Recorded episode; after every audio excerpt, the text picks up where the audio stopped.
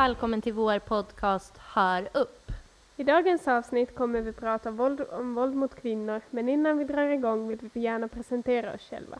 Jag heter då Anastasia och är 20 år och för tillfället så pluggar jag historia och statsvetenskap på Stockholms universitet. Jag heter Elin och jag är också 20 år och pluggar på Stockholms universitet och läser statsvetenskap. Våld mot kvinnor är ett viktigt ämne som vi ville ta upp i vårt första avsnitt eftersom det berör alla. Det är en av våra allvarligaste samhällsproblem. Det är inte minst centralt i att försöka uppnå jämställdhet. Och för att nå jämställdhet i Sverige så har regeringen satt upp fyra stycken delmål. 1. En jämn fördelning av makt och inflytande. 2. Ekonomisk jämställdhet. 3.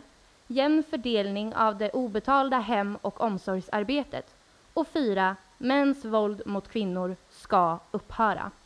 Varje år mördas cirka 17 kvinnor av sin partner eller ex-partner. Cirka 30 000 anmälningar av misshandel mot kvinnor görs varje år. Men mörkertalet är stort och Brå beräknar att cirka 80 procent av våldet i nära relationer aldrig polisanmäls. Vad tänker du om det? Varför tror du att det är så? Alltså jag personligen så tror jag att eh, kvinnan är väldigt rädd för att våldet ska förvärras. Det Mm. brukar ju ofta sluta med att eh, våldet faktiskt blir värre och kvinnan har ju inget egentligt skydd efter att hon har anmält det. Det finns ju ingen garanti om att någon kommer skydda henne. Nej. Och sen så tror jag det är också kopplat ganska mycket med skam. Ja, det tror jag också. Det blir en familjehemlighet och, Ja. Och det kan bli stora konsekvenser, precis som du sa. Mm. Visste du att en fjärdedel av alla kvinnor mellan 16 till 24 år har blivit utsatta för våld i nära relationer? Det är helt sjukt att det är så hög siffra. Ja, verkligen. Men när jag säger våld, eller våld i nära relationer, vad tänker du på då? Alltså jag tänker ju först eh, på det främsta som man hör, det är ju fysisk våld och Mm. sexuell våld och psykisk våld. Mm. Och speciellt fysisk och sexuell våld som vi får höra om i nyheterna och överallt på sociala medier. Mm. Jag, tror, jag, jag tänkte gå igenom att det finns olika typer av våld, eller det kan ta sig uttryck i, på olika sätt. Men precis som du säger så jag tror att det kan vara problematiskt att man bara hör om det fysiska, sexuella och kanske det psykiska ibland. Men ja, det gör ju att man tror att det andra är okej, vilket det verkligen inte är. Mm. Men vad finns det för fler olika? Ja, eh, som du sa så, fanns, eh, så finns det fysiskt och det kan ju vara exempelvis slag eller, eh, eller så. Ehm, psykiskt som kan vara förolämpningar och ren mobbning. Eh, sexuellt, men det kan också vara e- ekonomisk våld eh, som kan handla om att eh, kvinnan inte har tillgång till sina, e-, sina egna pengar. Ehm, det kan även vara materiellt våld ehm, som kan innebära att partnern förstör ens saker, exempelvis. Och slutligen ehm, det som kallas för social utsatthet. Och det kan vara att mannen isolerar kvinnan från omvärlden. Ehm, Mhm. Jag har faktiskt aldrig ens tänkt på de liksom tre sista. nej, Att det går under rubriken våld. nej, men det är ju för att man inte hör om det eh, i sociala medier eller så. Jag tror Ja. att det finns en attityd om att det, att det inte räknas, att det inte är lika allvarligt. Men Mm. på sätt och vis är ju alla allvarliga och, och otroligt fel. Ja, Ehm, och det går ju liksom inte att jämföra dem med varandra. Ja.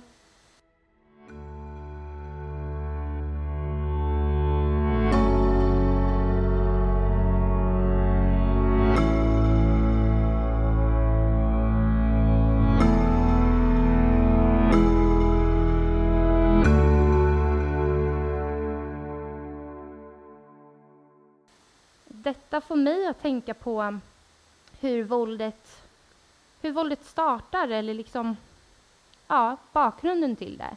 Du har väl läst en bok om det, eller hur? Ja, eh, jag har läst en bok som heter eh, Barns känslomässiga utveckling som är skriven av Monica Farman. Mm. Och hon beskriver ganska tydligt att eh, hur barn och mamma relaterar till varandra så formar hur barnet senare i livet klarar av att ingå i en relation. Och där så menar hon främst att det finns ju de mammor som har det svårt att adaptera sig till mammalivet med ett barn. Mm. Det är ju en stor omständighet. Men eh, då måste ju också mammor komma ihåg att eh, relationen behöver ju inte vara perfekt, den behöver bara vara tillräcklig. Den behöver ge ens barn bara en trygghet. För att positiva erfarenheter med föräldrar så utvecklar ju också en tillit. Mm. Att eh, kan barnet ha en bra relation med mamman så kan den senare också vara, alltså, lita på att den kan ha en relation med en kärlekspartner till exempel. Mm. Det tror jag är jätteviktigt, precis som du säger, att har man växt upp och aldrig känt att man har inte ens kunnat lita på sina egna föräldrar, Ja, men ändå så är de så, står, på, ändå står de så nära en, men så kan man ändå inte lita på dem. Det är klart att det kommer bli svårt att skapa en normal fungerande relation till en partner. ja precis. Sen också poängterar hon att man behöver vara väldigt trygg i sig själv. Det är jätteviktigt för en kärleksrelation i vuxenlivet. Mm. Just för att eh, vi märker ju att mycket av våldet så handlar ju om eh, svartsjuka. Mm. Att eh, flickor blir till och med ihjälslagna, de blir mördade för att mannen är så svartsjuk. Mm. Och det måste ju ligga något... I självkänslan. Ja.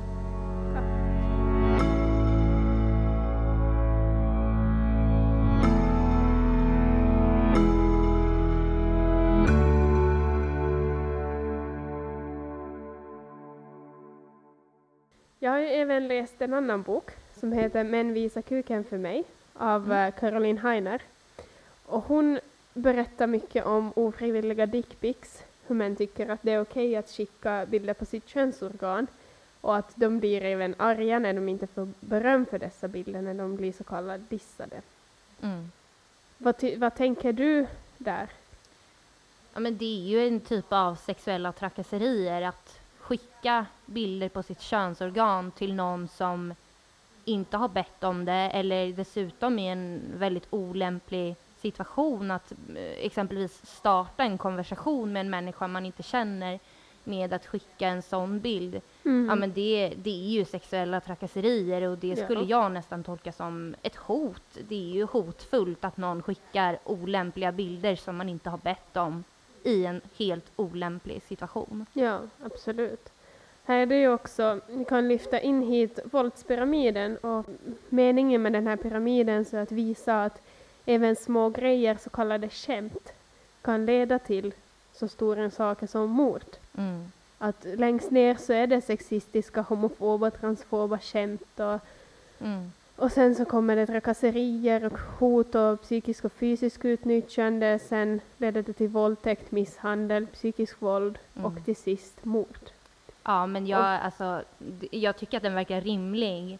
Man kan någonstans tänka sig det att det skapas en viss kultur. Om man bara tänker på en arbetsplats, kanske en mansdominerad arbetsplats, hur det, hur det säkert är väldigt förekommande med att man skämtar om kvinnor eller man, man Mm. pratar dåligt om kvinnor och, och berättar om eh, vilka ligg man har haft och hur kvinnorna har Ja, sett ut och vad de har gjort och, och förnedrar dem.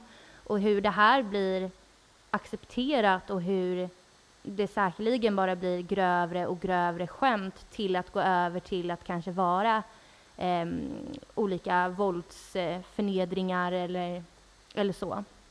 Ja. Mm. Ja, det är många som säger att men det var ju bara ett skämt. Men Mm. visst, det kan sluta där. Men i många fall så slutar det ju inte bara på ett skämt. Nej, och någonstans kan det ju ändå säga någonting om vad man har för syn.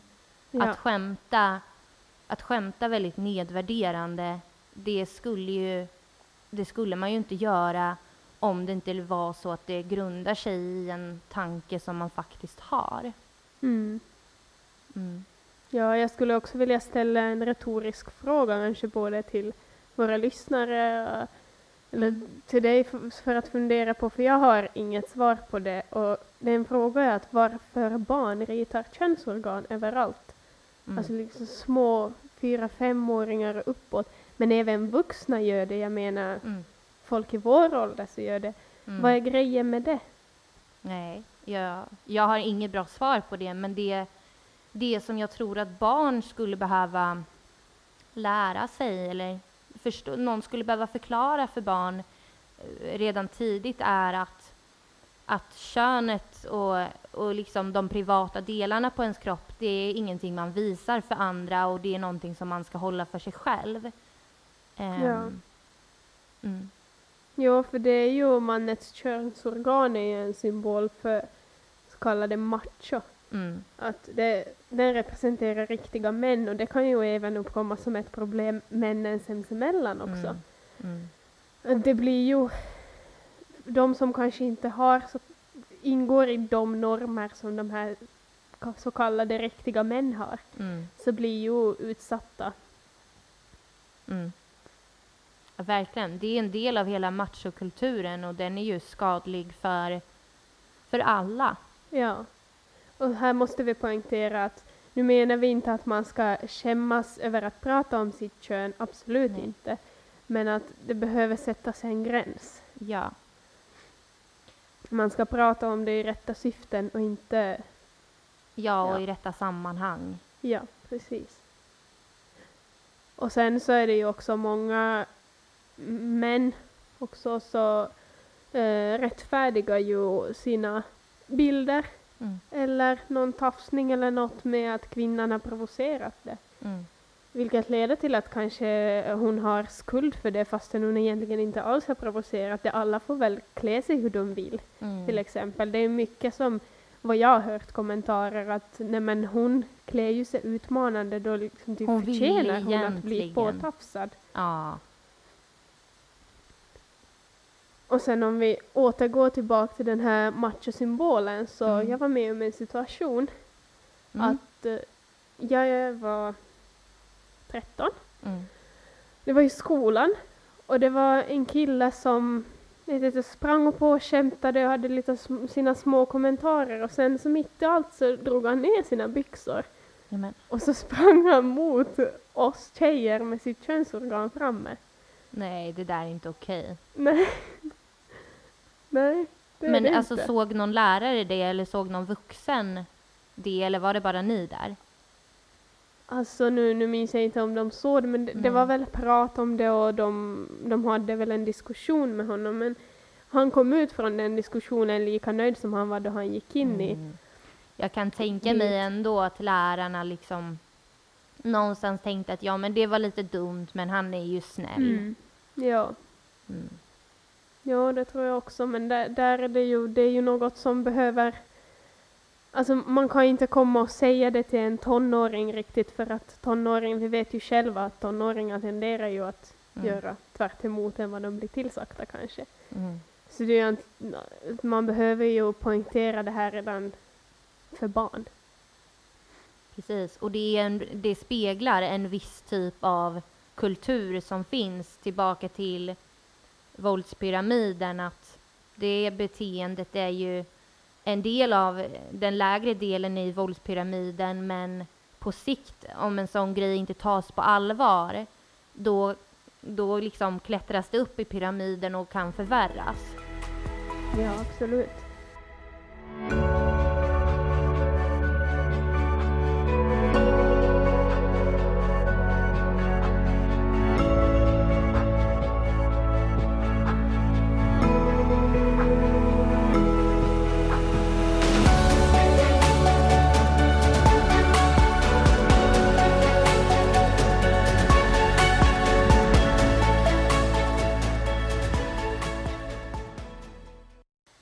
Tänkte lite kring det här um, varför män använder våld mot kvinnor. Jag tycker själv att det är någonting, ja, det är någonting jag själv har funderat på så jag googlade runt lite. Mm. Ehm, och jag fann, det finns nog flera olika förklaringar, eller försök till förklaringar. Men Ja. jag hittade tre stycken eh, försök till förklaring på varför män använder våld mot kvinnor. Mm. Och eh, den första är menade på då att det handlar om brist på kontroll hos männen. Jaha. Eh, alltså att det grundar sig i att mannen är aggressiv eller har impulser som man inte kan styra över. Ehm, men risken med den förklaringen är ju också att det ursäktas, att mannen, mannen kan inte kontrollera sina känslor, mannen är aggressiv och han menade egentligen inte att använda våld eller vara taskig. Mm. Ehm, Den andra förklaringen är någon typ av brist på kunskap om konsekven konsekvenserna eller våldets konsekvenser. Ehm, man skulle även kunna se det som någon slags brist på kunskap om jämställdhet. Ehm, Ja, jag tror att det, alltså, man tänker inte riktigt vilka konsekvenser det kan ha mm, om man, alltså även icke synlig våld. mm, Den, har, alltså, den kan ju ha mycket konsekvenser som helst. Man Mm. får ju problem, man kanske inte vågar gå till sin arbetsplats längre, att om man bara blir psykiskt utsatt. mm. Man blir ju begränsad i sin vardag. Ja, jag läste någonstans att många som har blivit utsatta av flera olika typer av våld eh, upplever ändå att den psykiska, det psykiska våldet är bland det mest påfrestande. Ja. För att det är så otroligt jobbigt för att det som sagt sätter sig psykiskt. Mm. Ja. Den sista förklaringen eh, läste jag eh, när jag läste en, eh, en text av Hans Ekbrand eh, som heter Separationer och mäns våld mot kvinnor. Mm. Eh, jag tyckte att den här eh, texten var väldigt intressant. Ehm, och han menade då på att eh, mäns våld mot kvinnor ehm, blir särskilt allvarligt i sammanhang när kvinnan försöker lämna relationen. ja. Och ehm, då menade han att i en situation där, män, där männen känner att de håller på att tappa kontrollen, att kvinnan försöker lämna, och, lämna relationen och ta sig därifrån, så menar han på att det någonstans är en så kallad rationell handling att ta till våld för att få tillbaka kontrollen. Mm. Ehm, så hans eh, text eh, kan verkligen rekommendera den. Ehm, den handlar just om hur våld ger männen fördelar för att kunna få kontroll eh, och få kontrollen tillbaka. ja, just det. Så då kanske det inte alltid är relevant att tänka varför lämnar hon inte bara mannen om Mm. hon blir utsatt. Mm. Det kanske inte alltid är det bästa. Nej, eller eh, särskilt med tanke på hur, hur vi faktiskt inte kan skydda alla kvinnor. Ja. Det, det är ju väldigt, väldigt önskvärt att kvinnor som befinner sig i dåliga relationer kan lämna och det mest önskvärda vore ju såklart att männen inte utsätter dessa kvinnor men faktum är att alla kan inte lämna och vi behöver fokusera på att få männen att sluta. Så att det är ju väldigt intressant att läsa om varför män tar till våld och därifrån fundera på hur vi ska lösa det. Mm. Okej, men innan vi pratar mer om lösningar så vill jag gå in på det här med Turkiet. Kan inte du berätta mer? Ja, absolut. Eh, det som händer i Turkiet just nu så är att eh, Turkiets president har lagt fram ett eh, lagförslag som lyder så här att turkiska män som anklagas för sexuellt umgänge med minderåriga slipper straff så länge de sedan går med på att gifta sig med sina offer, såvida åldersskillnaden mellan dem är mindre än tio år. Det skriver The Guardian. Mm. Ja, den där detaljen också om det är mindre än tio år, alltså så Ja. detaljerat. Ja. Så det är okej att de är mindreåriga men att det ska ju vara mindre än tio år. Ja men alltså det är ju rättfärdiga våldtäkter. Ja, ja, då, det, detta gör ju det okej att, att eh, det förekommer våldtäkt inom äktenskap. Ja. Ja, den här lagen är helt sjuk. Det är ju att man ska gifta sig med sin våldtäktsman. Ja. Nu har inte jag stenkoll på hur det är just i Turkiet, men jag vet att det är i många länder i Mellanöstern är eh, både krav och normer på att man inte ska ha sex före eller utanför äktenskap. Eh, och jag tänker att detta är ett sätt att, att någonstans dels göra det okej då att det är okej att våldta. Eh, men också hur det blir så skevt att man får inte ha sex utanför äktenskap. Men nu så kan de göra det, men då måste de gifta sig. Alltså, Mm. det får mig verkligen att känna att samhället är skapat av och för män. Mm. Ehm, och det får mig också tänka på hur viktigt det är att få in kvinnor i politiken, där de i praktiken också får inflytande. Ja. Ehm, jag tycker också att det påminner lite om ehm, man hör, eller jag har hört flera gånger, jag läste bland annat en text om eh, hur situationen för kvinnor ser ut i Indien. Och där hade staten gått ut eh, och uppmanat kvinnor till att inte gå utanför sitt hem för att inte bli våldtagna istället för att faktiskt ta itu med problemet att män våldtar. Um, och det är ju problematiskt på flera sätt. Dels eftersom att kvinnor i praktiken inte är mer trygga i hemmet, utan de flesta våldtäkter och ja, olika typer av våld, det förekommer inom hemmet. Och det gäller ju även i en svensk kontext att Mm. media bygger ju ofta upp bilden om att eh, våldtäkterna sker ute på stan eller kvinnan blir påhoppad i skogen. Men Mm. de allra flesta övergrepp, våldtäkter och våldshandlingar ehm, på kvinnor sker inom hemmet. Ja. Så det är ju inte ta, det är ju inte att ta tag i problemet. Nej. Ehm, och att uppmana kvinnor till att stanna hemma eller tänka på vad de klär sig eller hur de ska prata eller vad de sänder ut för signaler. Det är ju också att lägga över ansvaret på kvinnan. Att det är kvinnans uppgift att se till att hon inte blir våldtagen. Vilket är helt Ja. fel. ja, verkligen.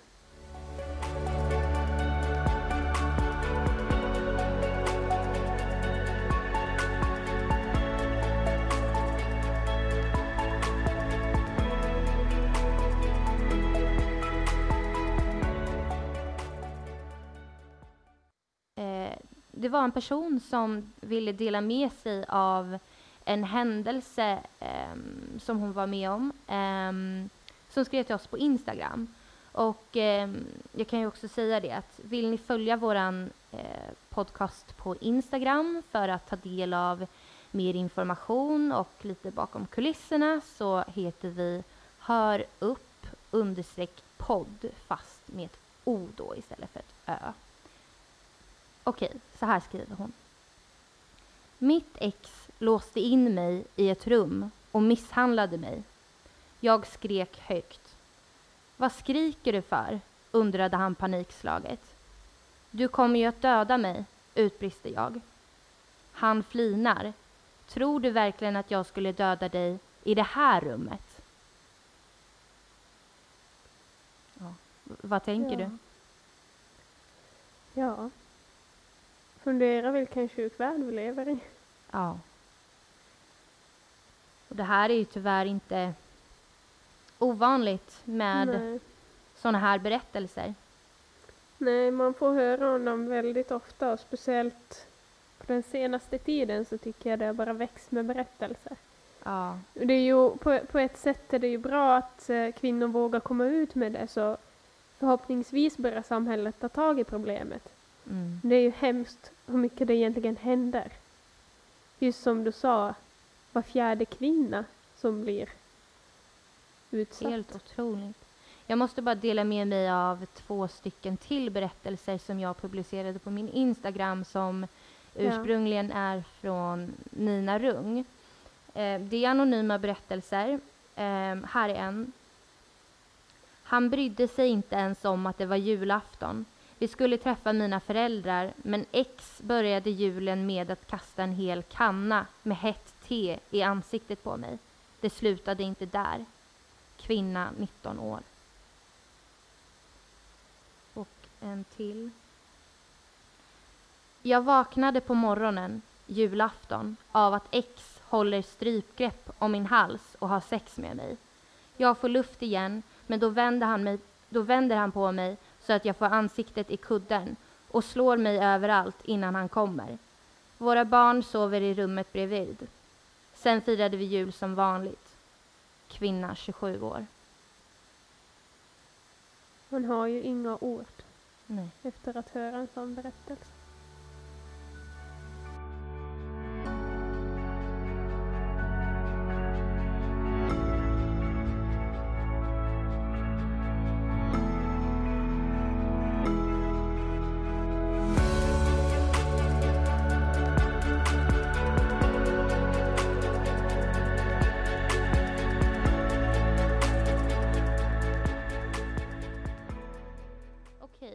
Har vi börjat närma oss slutet av dagens avsnitt och vi ska försöka landa i några typer av lösningar på detta ofantliga problem. Eh, jag tänker att mycket handlar om djupt rotade strukturer och normer och hur detta någonstans påverkar alla män, att alla Mm. måste ta ansvar i detta. Ja. Vad tänker du om det? Ja, det, det tänker jag också på att det, finns inte, det är många liksom som säger att ja men det är de männen, det är de, Mm. det är de, det är inte vi. Men är det verkligen så? Det är män från alla kulturer, från, Mm. eh, med alla språkbakgrunder. Mm. Samhällsklasser och alla typer. Ja. Visst är det så. Jag tycker att hela den här diskussionen, inte alla män, är ganska irriterande om jag ska vara ärlig. Eh, Jag Mm. tycker att eh, Unison har ett bra svar på det. Och det är så här. Alla män utövar inte våld, men nästan alla som utövar våld är män. Och bara som det att 98 procent av de som misstänks för våldtäkt är män. Ja. Faktum är att även om män också blir utsatta så är då faktum att de blir oftast utsatta av andra män. Mm. ja, det är väldigt viktigt att komma Mm. ihåg. Visst, Så- det, finns, det finns kvinnor som utsätter män för våld. Ja. Mm.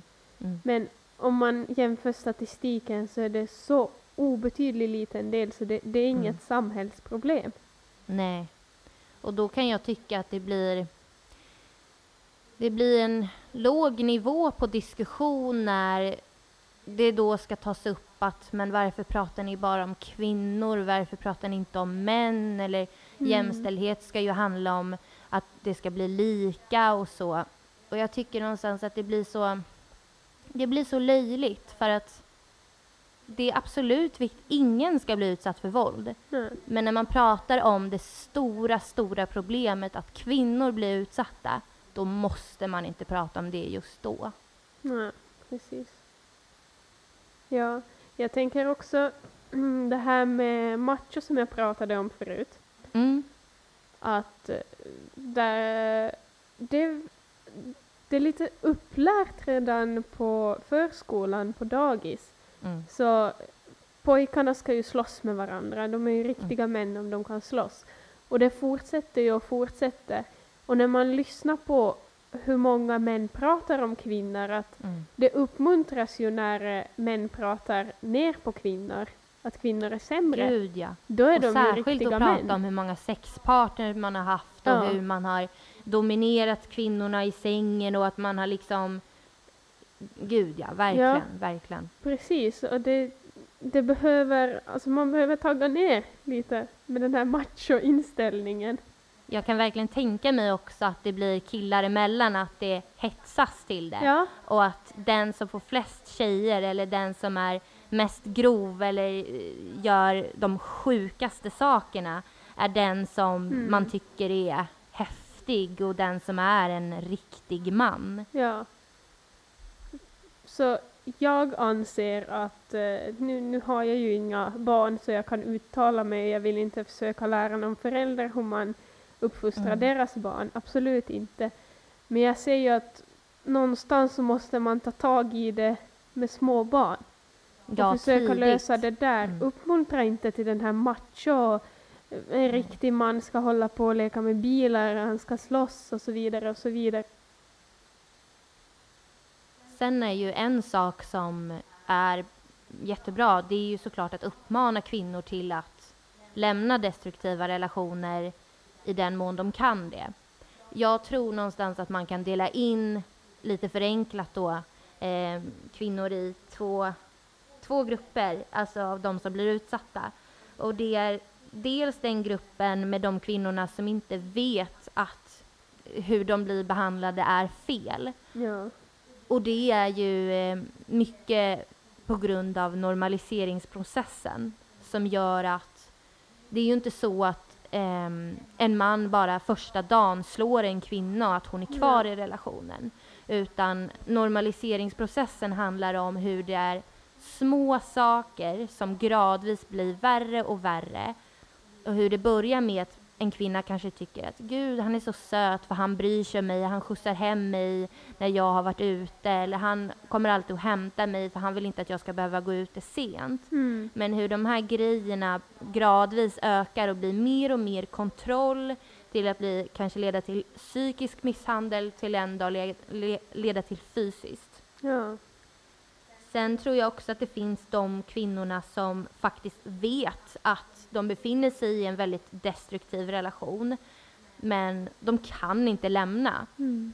Ehm, och det visar ju också, tyvärr, forskning att många av de kvinnor som dödas varje år av sina partner, de har försökt att lämna relationen eller har lämnat relationen eh, blir dödade på grund Mm. av det.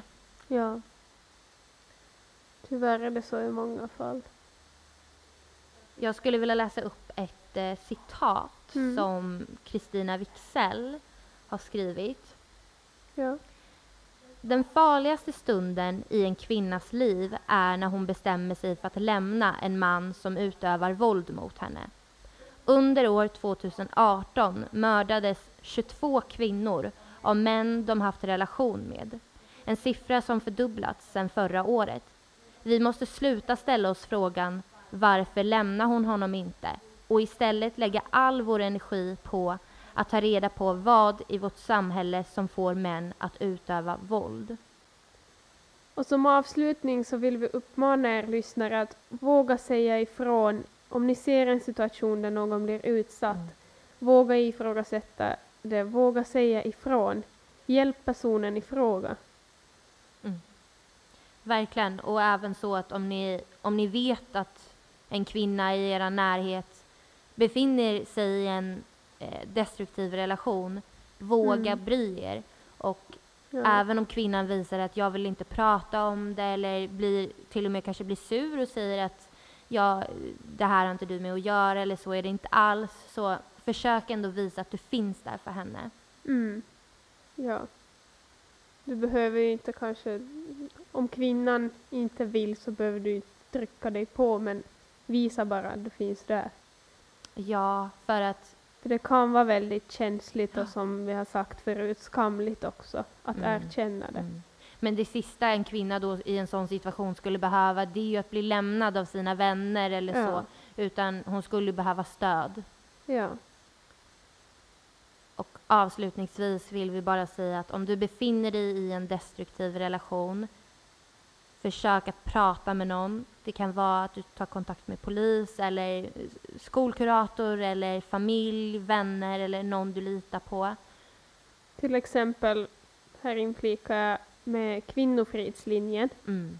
En bra Jättebra. organisation. Det finns många telefonnummer man kan Ja. ringa. Det är bara att googla. Ehm, Och där finns det även eh, kanske lite hjälp för de som är anhöriga. mm, mm. Olika kan, svar på olika frågor. ja, och sen kan man alltid ta kontakt med en kvinnojour.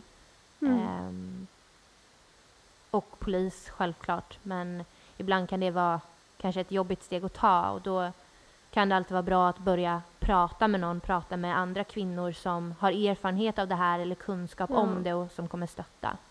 Ja. Och sen vill ni prata med någon helt främmande så finns ju alltid vi här. Ja.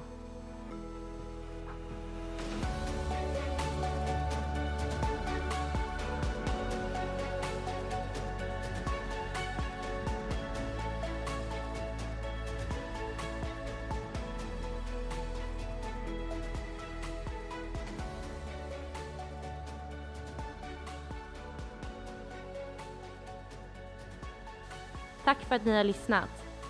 Vi hörs i nästa avsnitt. Ha det fint! Så. Ja. Yay!